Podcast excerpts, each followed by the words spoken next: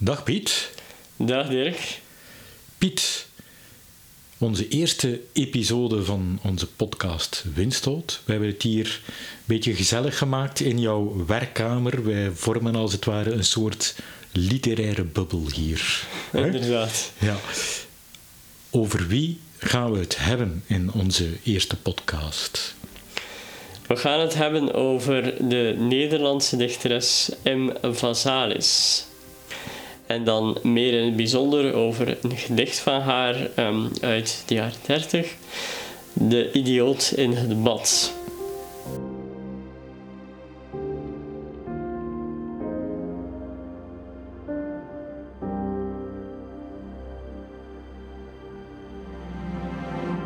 Macht. Macht en kwetsbaarheid. En wat de literatuur ons daarover kan leren. Daarover gaat deze podcast. Welkom bij Winstoot. Vazalis dus, een Nederlandse dichteres. Waar zouden wij haar van moeten kennen, Piet? Ja, ik vermoed dat Vazalis inderdaad bekender is in eigen land dan bij ons. Maar eh, ze is toch wel gecanoniseerd. Het is eh, dus iemand die ehm, wel heel veel erkenning eh, heeft gekregen van eh, de literatuurkritiek. Eh, het is een eh, dichteres die we moeten situeren in ja, eigenlijk de hele 20e eeuw. Ze is geboren in 1909. En ehm, ja, dus haar debuut dateert van 1940. eh, Parken en woestijnen, dat was haar debuutbundel. Oké, dus ze was eigenlijk al niet meer piepjong toen ze debuteerde. Nee, klopt. Ze was eh, begin 30. En nu ja, dat had ook wel te maken met het feit dat ze al een hele opleiding achter de rug eh, had. Ze was eh, arts en meer bepaald psychiater. En dat, ja, dat blijkt eigenlijk ook uit het gedicht dat we vandaag gekozen hebben. Oké. Mhm. Ehm, arts en psychiater, dat zijn de, de artsenij, geneeskunde, psychiatrie, dat zijn thema's die meer voorkomen in haar werk, of is het alleen dit gedicht? Nee, je kunt zeker wel zeggen dat het ook in andere eh, gedichten zijn sporen heeft nagelaten. Maar dit is wel een zeer eh, duidelijk geval. We hebben te maken dus met het gedicht De idioot in het bad. Dat eh, dateert van eh, 1934-35, toen ze eh, arts in opleiding was in een psychiatrische kliniek in Zandpoort. Mhm, Oké.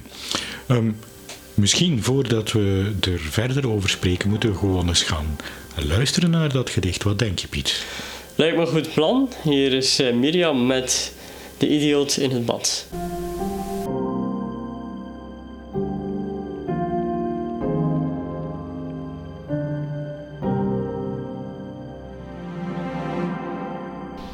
Met opgetrokken schouders, toegeknepen ogen, haast dravend en vaak hakend in de mat, lelijk en onbeholpen aan zusters arm gebogen, gaat elke week de idioot naar het bad.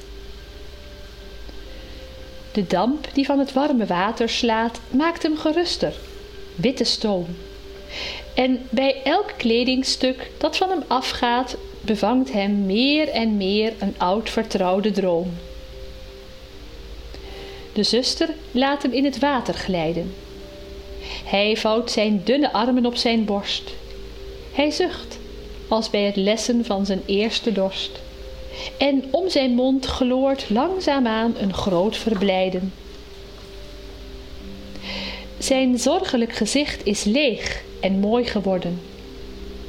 Zijn dunne voeten staan rechtop als bleke bloemen.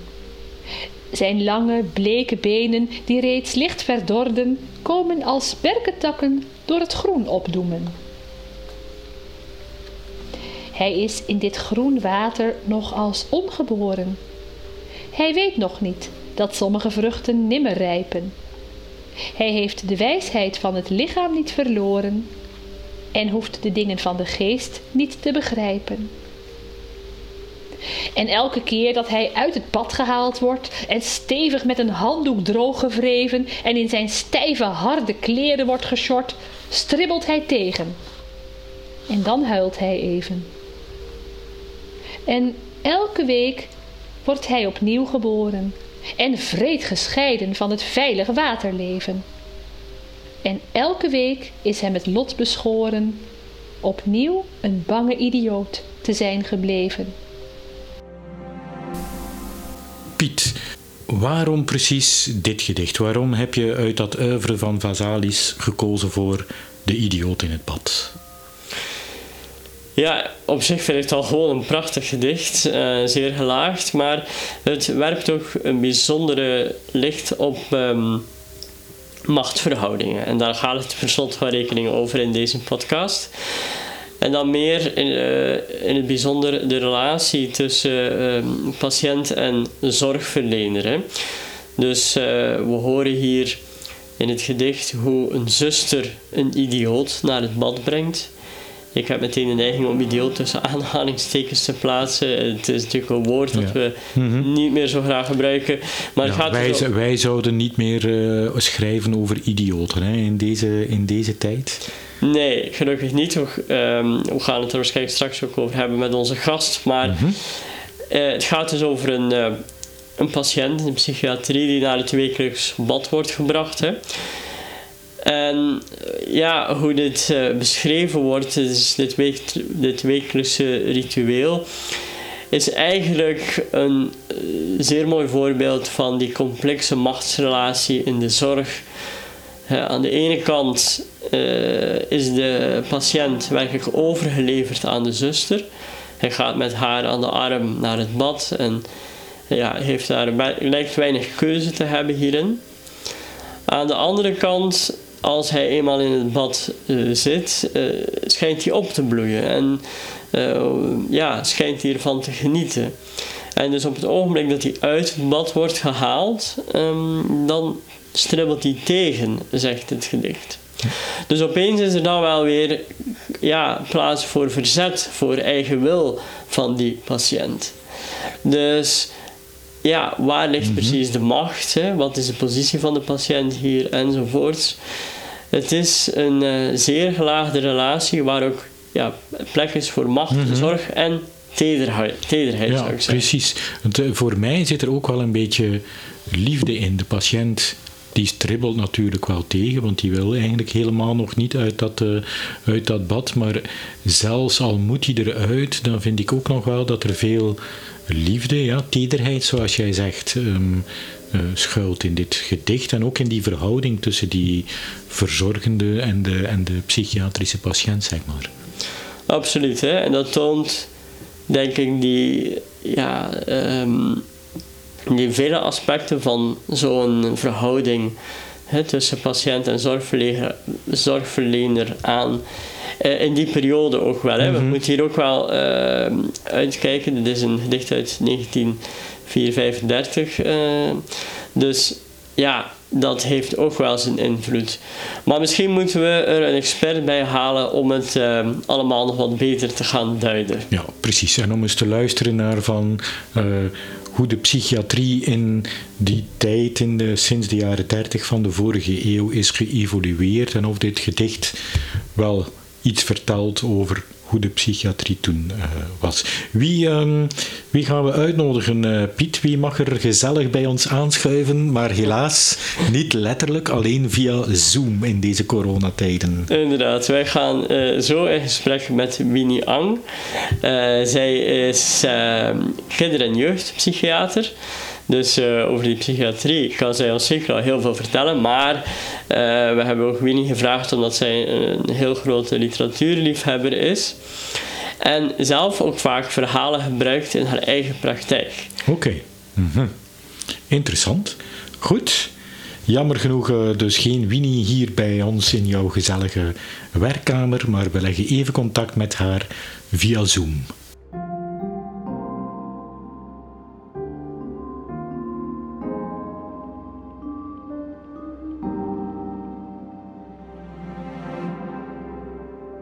Goed, wij spreken met uh, Winnie Ang, jeugd- en kinderpsychiater. U, we spreken met u omdat u ook vaak literatuur gebruikt in uw uh, dagelijkse praktijk.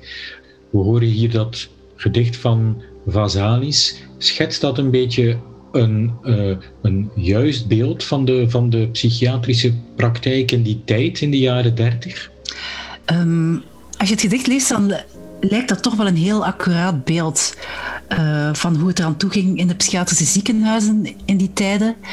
Um, ik was ook aan het denken, misschien zijn jullie ook zelf al eens naar het Gisela Museum geweest, waar de geschiedenis van de psychiatrie heel mooi staat verbeeld. En dan merk je ook wel elementen die heel interessant zijn, vind ik, voor hulpverleners of eigenlijk voor alle mensen, om te zien hoe er dan in die tijd aan toe ging. Dus om op uw vraag te antwoorden, het, het geeft wel een realistische weergave, inderdaad. De psychiatrie is nu wel helemaal anders dan in de tijd toen Vazalis het gedicht schreef. Absoluut. Ik denk, als je denkt over uh, de manier waarop de hulpverlening toen werkte, was dat echt wel uh, een groot verschil in ja, laat het ons toch machtpositie noemen. De artsen beslisten ongeveer wat er ging gebeuren en de patiënt moest volgen. En nu, gelukkig, is datgene wat de patiënt wil, staat meer en meer centraal. En um, kan dan ook niet zomaar opgelegd worden. En um, dat vind ik toch wel een heel belangrijk verschil in gedachtegoed. Dat het niet te paternalistisch is en dat de hulpverleners per se weten wat er goed is voor de patiënt. En dat de patiënt ook zelf heel veel, uiteraard, in de pap te brokken heeft. Het meeste. Je ziet dat ook al in de tendens van het ontstaan van ervaringsdeskundigen in onze sector. Mensen die ook een opleiding krijgen, die zelf psychisch kwetsbaar zijn, maar die ook een opleiding krijgen om um, vanuit hun die expertise in teams geestelijke gezondheidszorg ook een rol te spelen. En dat is ook een van die manieren om echt stem te geven aan mensen uh, die anders ja, weinig stem krijgen. En uh, dat is toch een van de belangrijkste tendensen binnen ons vakgebied. Ik vind dat in de kinderpsychiatrie sowieso al ja, minder gevaar schuilt om heel paternalistisch te zijn, omdat je altijd met verschillende partijen rond de tafel zit. Je hebt natuurlijk je, stem als kinderpsychiater, maar je zit ook met de ouders aan tafel, je zit met kinderen en jongeren aan tafel en je moet samen een beetje de weg zoeken. Dus je zit al met meerdere partijen, waardoor dat er niet één oplossing altijd uit de bus komt of één richting um, is. En je moet al leren schipperen tussen de verschillende stemmen om die weg te zoeken. Dus ik, ik vind dat uh, bij ons in de kinderpsychiatrie dat daar uh, toch al heel veel aandacht voor is om de stem van mensen echt heel erg bewust een plaats te geven in het proces uh, dat je met mensen aangaat. en dat is zeker iets van wat de laatste jaren, dat er gelukkig veel meer aandacht voor is. Maar het blijft wel wat een spanningsveld wel binnen ons vakgebied van uh, wie is hier eigenlijk de expert in het verhaal. Eigenlijk is de grootste verandering gekomen met de introductie van medicatie, uh, die de levenskwaliteit van patiënten serieus heeft verbeterd, maar het heeft ook heel veel nadelen, uiteraard, medicatie. Uh, ik ben zeker geen pleitbezorger van altijd medicatie te geven, maar het heeft op veel vlakken wel uh, veel meer mogelijkheden gegeven aan mensen om, om te kunnen functioneren. Want destijds was, waren die medicijnen eigenlijk zo goed als afwezig, uh, begrijp ik? Of? Ja, ja, ja. Dat, is, dat is ook inderdaad iets van in de 20e eeuw, maar de tweede helft, dat er meer en meer medicatie op de markt kwam. En daarvoor, als je dat leest in dat gedicht, die waterbaden, was inderdaad een van de typische therapieën die ze aanboden. Onder het mom van dat waterbaden kalmerend zijn. En uh, ja, we kennen dat ook wel in een bad gaan, dat kan heel ontspannend zijn. En ook um, je spieren ontspannen. Dus dat was een van de redenen dat dat werd voorgeschreven, regelmatig werd voorgeschreven. En soms, blijkbaar, ik heb me even in verdiept in die waterbaden, soms echt voor urenlang dat mensen in dat water werden gezet om tot een soort ontspanning of kalmering te komen. Wat ons natuurlijk ook meteen opvalt, is in die titel al hè, uh, de idioot in het pad. Dat is ook denk ik, ja, als er een grote verandering is toch, denk ik is het uh, wel degelijk hoe mensen worden benoemd en aangesproken. Uh, maar dat was echt wel een gangbare term, geloof ik. Hè? Ja, ik moet ook wel zeggen dat het voor mij, als je het leest, in deze tijden inderdaad heel chockerend is. Ja, hè? Omdat idioot is zo, het heeft zo'n negatieve connotatie en het is zo reducerend uh, dat je mens echt herleidt tot iets, ja, iets heel negatiefs. Maar inderdaad, in die tijd was dat een gangbare term. En idioot werd dan vooral gebruikt voor mensen met een, met een cognitieve beperking. En dat gaat dan over een IQ onder de 25. En dat was dat inderdaad de term die ze daarvoor gebruikten. En het komt oorspronkelijk uit het Grieks en het, uh, het wil dan zeggen um, leek.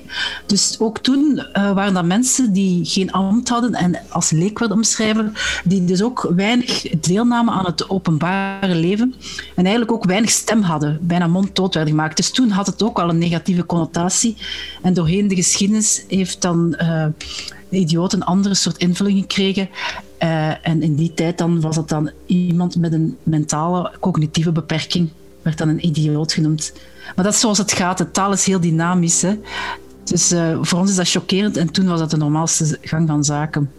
Hoorde zo iemand eigenlijk thuis in de, in de psychiatrie? Was dat, was dat normaal dat, dat iemand dan met een cognitieve beperking in, de, in, de, in een psychiatrische instelling terechtkomt? Goh, dat is een heel interessante vraag. Um, ik werk zelf ook in een voorziening nu voor kinderen en jongeren met een beperking. Um, het is zo dat als je kijkt naar mensen met een beperking, heb je wel een verhoogde kans op psychiatrische problemen, door allerlei redenen. Hè. Dus in dat opzicht is er soms inderdaad een verwarring, een overlap tegelijkertijd. Mijns inziens is dat iets, een heel andere soort setting wel. Dus als, als je het aan mij vraagt, zou ik zeggen dat dat een heel ander soort voorziening is. Maar ik begrijp wel de verwarring en de overlap soms van uh, problemen die er zich uh, manifesteren bij mensen met een, uh, met een ja, cognitieve beperking. Trouwens, dat is niet enkel mensen met een lage cognitieve beperking. Ook mensen die hoogbegaafd zijn bijvoorbeeld, hebben ook meer kans op psychische en psychiatrische problemen. Dus het, het, is, uh, het speelt zich af in dat spectrum. En zou het destijds misschien ook nog wat, misschien nog meer door elkaar gelopen hebben dan nu bijvoorbeeld? Want um, ik las dat um, ze was toen zelf arts in opleiding, psychiater in opleiding in Zandvoort. Ze zouden het gedicht geschreven hebben in 1935. Uh, terwijl ze dus wel degelijk in een, uh, ja, in een kliniek werkte. Een gesticht werd het ook wel genoemd. Dus misschien dat het dan destijds nog de, de, de lijn zo mogelijk nog vloer was tussen psychiatrische en mentale beperking. Ja, ik denk dat dat wel klopt. Maar ik merk ook wel dat het nu nog steeds soms verwarrend is. Zeker voor mensen die uh, op cognitief vlak heel laag functioneren. Die dus ook vaak geen verbale mogelijkheden hebben om te zeggen wat er scheelt, wat er aan de hand is. En die daardoor soms ook veel meer in hun gedrag uh, laten zien als het hen niet afgaat, dat het moeilijk gaat, om het zo even uh, eenvoudig voor te stellen. Waardoor dat er bijvoorbeeld ook heel snel kalmerende medicatie wordt gegeven, of dat er toch een, ja, een risico is, of een hoger risico is dat men medicatie geeft.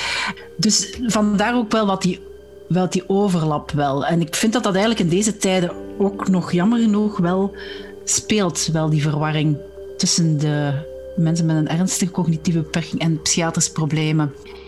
En in, in wat uitzicht dat? In, uh, kan u daar een voorbeeld van, uh, van geven? Van dat u zegt van die verwarring is er nog altijd een beetje?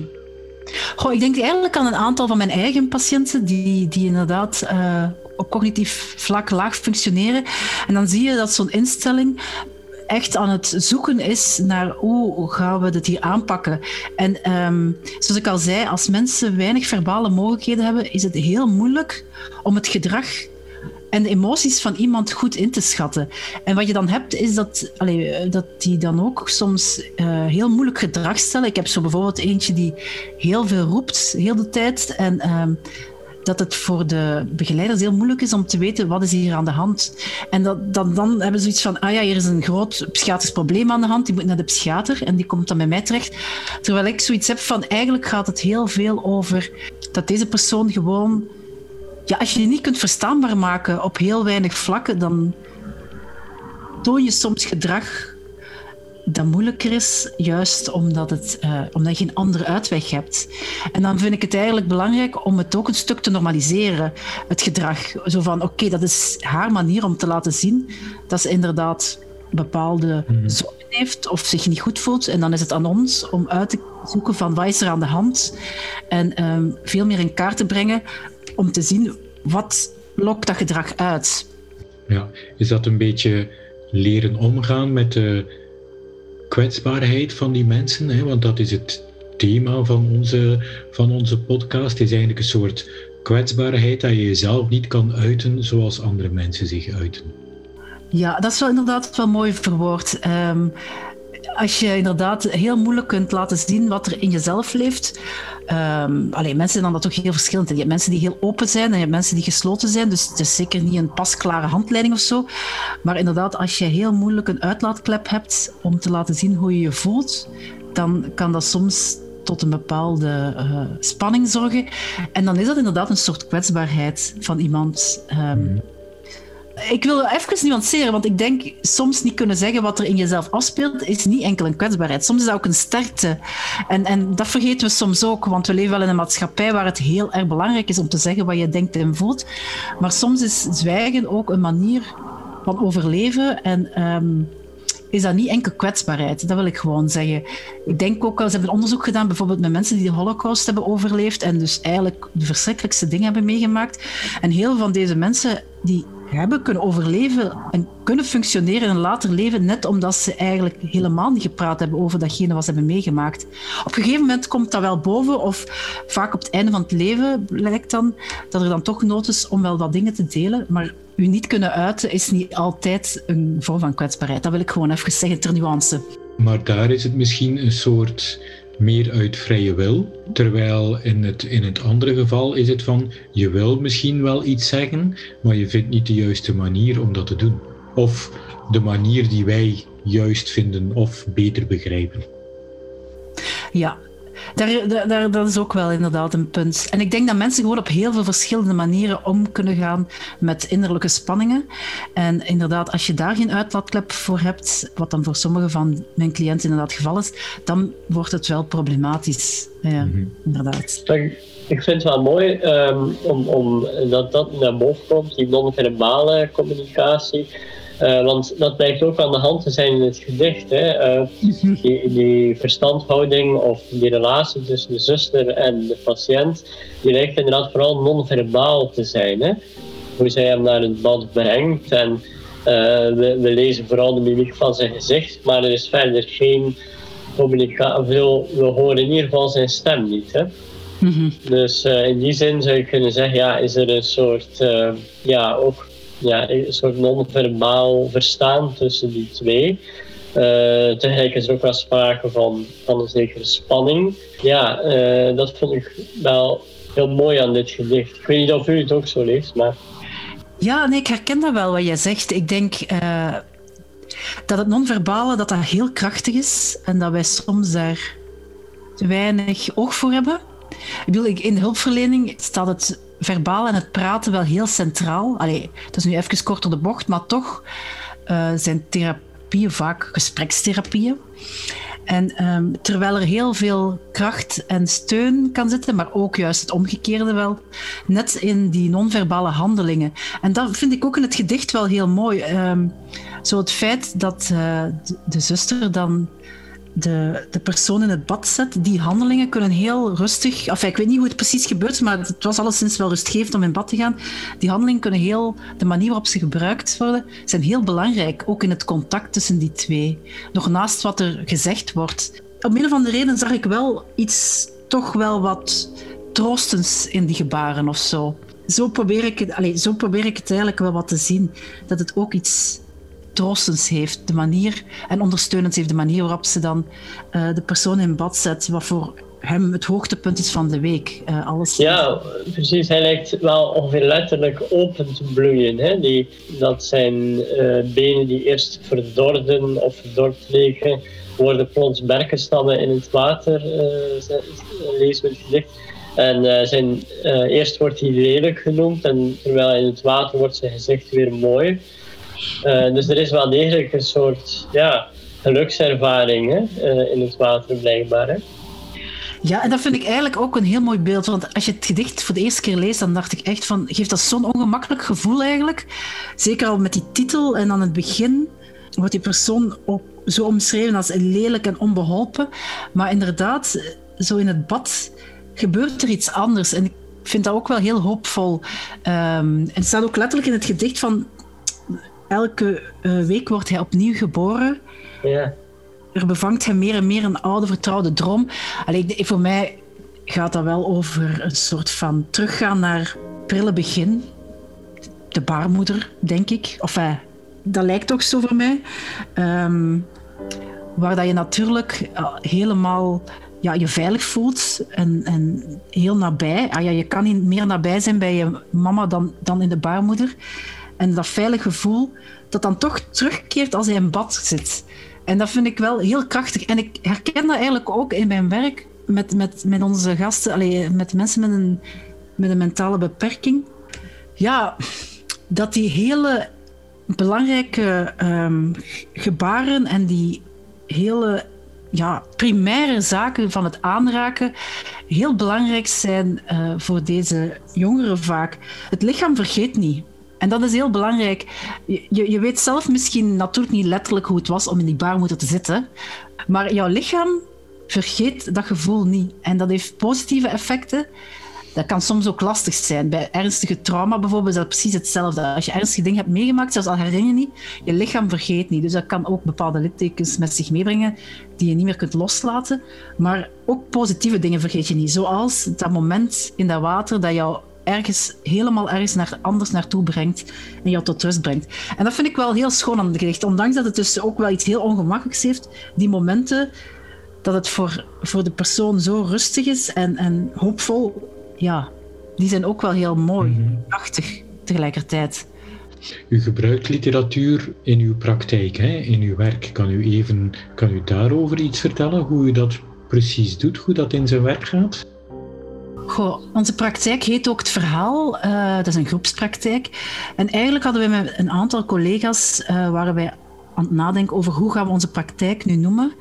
En we vinden dat beeld van het verhaal van onze cliënten staat centraal wel een heel mooi beeld, omdat het ook een stuk weggaat van het problematiseren. Uiteraard komen mensen naar ons als er uitdagingen zijn en problemen, maar het verhaal is voor ons veel meer, ja, ten eerste een holistische visie op iemand. En ten tweede ook heeft het iets heel dynamisch, omdat je natuurlijk je verhaal blijft schrijven.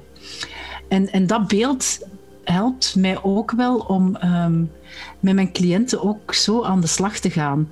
Dat dynamische en dat holistische tegelijkertijd. Vandaar uh, dat dat idee ook voor ons heel belangrijk is en dat we onze praktijk ook het verhaal hebben genoemd. Ik ben heel grote fan van samen lezen ook. En dat is dat je een stukje tekst neemt, literatuur leest, luidop leest en het daarover hebt. Heel simpel. Het is geen tekstanalyse. Het is niet van waarom zou de schrijver dit geschreven hebben en in welke tijdsgeest is het. Enfin, dat is ook interessant uiteraard. Maar het gaat veel meer over, als je die tekst leest, ja, wat, wat doet dat dan met jou en waar roept dat dan op? Er is geen waarheid. Het gaat echt over je beleving. Maar het, het, het, fascinerende en het mooie is dat als je via een tekst kunt gaan, dat er soms veel meer komt dan als je het rechtstreeks vraagt. Dus ik geloof wel heel sterk in het gebruik van teksten en ook trouwens ook uh, illustraties. Uh, ik gebruik ook soms prentenboeken uh, in mijn praktijk. Die combinatie, dat dat heel sterk werkt. Um, bij, als ingangspoort, als een van de ingangspoorten toch, bij kinderen ja. en jongeren. Het is een soort vertrekpunt om het dan te hebben over het verhaal van de mens zelf. Ja, en het geeft ook het vertrekpunt om het eigenlijk ook over jezelf te hebben via de tekst. En dus die afstand tot de tekst zorgt soms net voor meer nabijheid bij jezelf op een of andere manier. Sommige mensen kunnen het veel meer hebben over zichzelf als het eerst via de tekst gaat.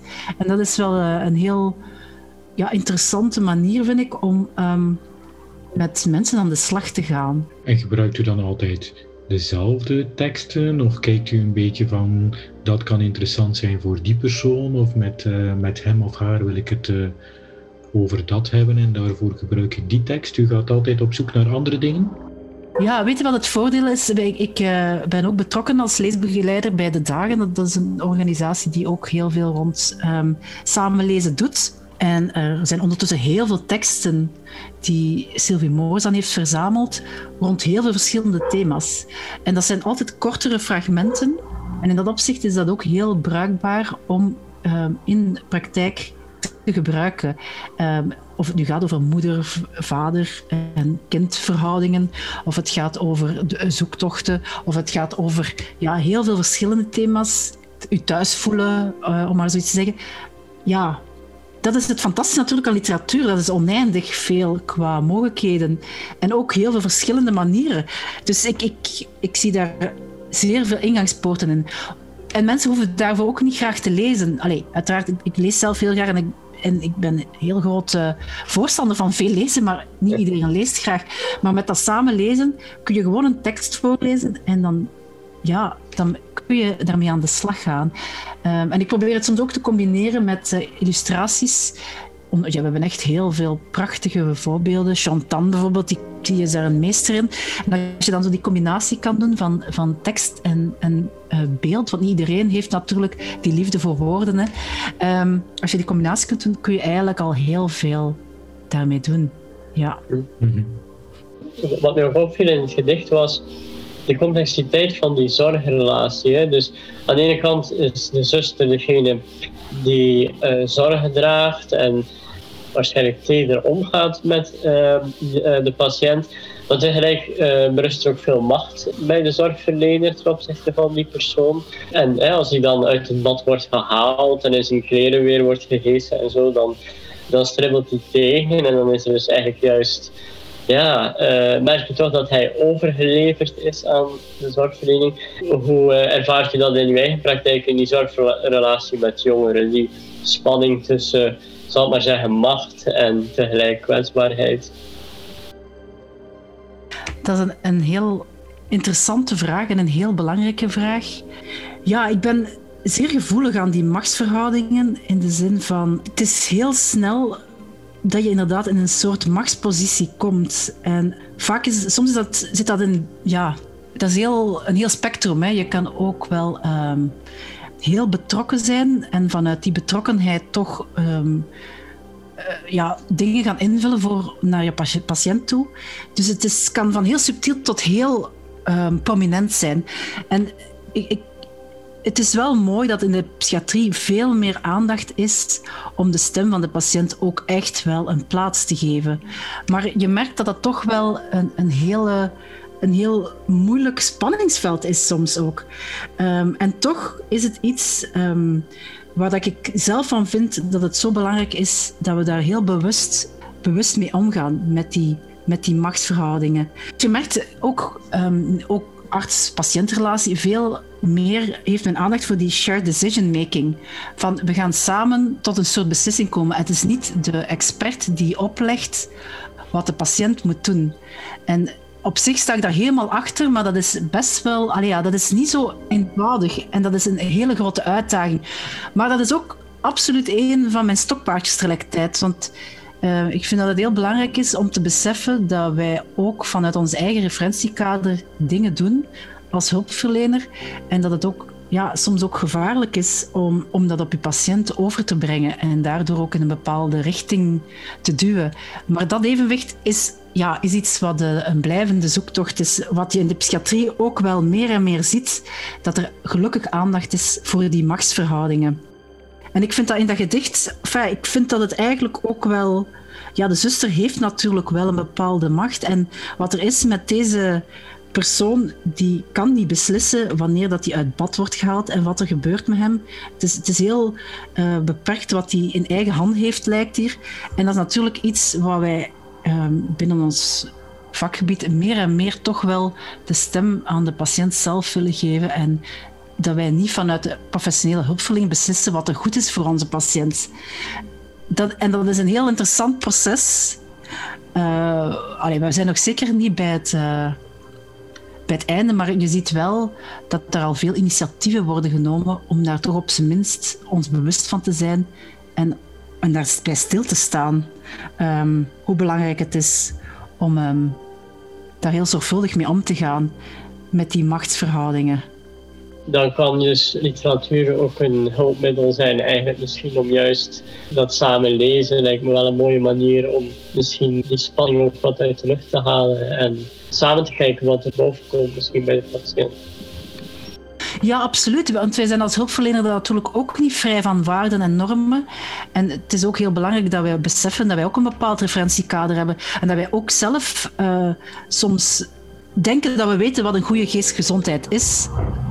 Dus ik denk dat goede hulpverleners ook uh, heel veel zichzelf ook in vraag stellen of toch beseffen dat wij vanuit een bepaald referentiekader naar andere mensen kijken, elke keer opnieuw. Mooi. Ik denk dat we veel hebben gesproken over macht en kwetsbaarheid en over de rol van literatuur om, dat, uh, uh, om daarmee te leren omgaan. Uh, Dank je wel voor dit uh, mooie gesprek. Graag gedaan. Heel erg bedankt dat jullie mij uitgenodigd hebben.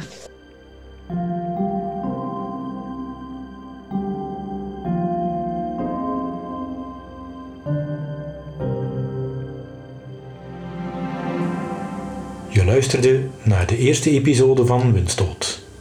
Veel dank daarvoor. Winstoot is een podcast van journalist Dirk van den Bergen en literatuurwetenschapper Pieter Vos, in samenwerking met VZW Wit. Het gedicht van Vazalis werd voorgelezen door Mirjam Boers. De muziek werd gemaakt door Paul Isaac. Wil je meer weten over de andere projecten van Winstoot? Surf dan naar winstoot.org. Heb je genoten van deze aflevering? Plaats Winstoot dan zeker bij je favorieten in je podcast-app. In juni zijn we er opnieuw. Dan praten Piet en ik met biografe Elle van Pelt over een onterecht vergeten schrijver, Roger van de Velde. Hopelijk tot dan.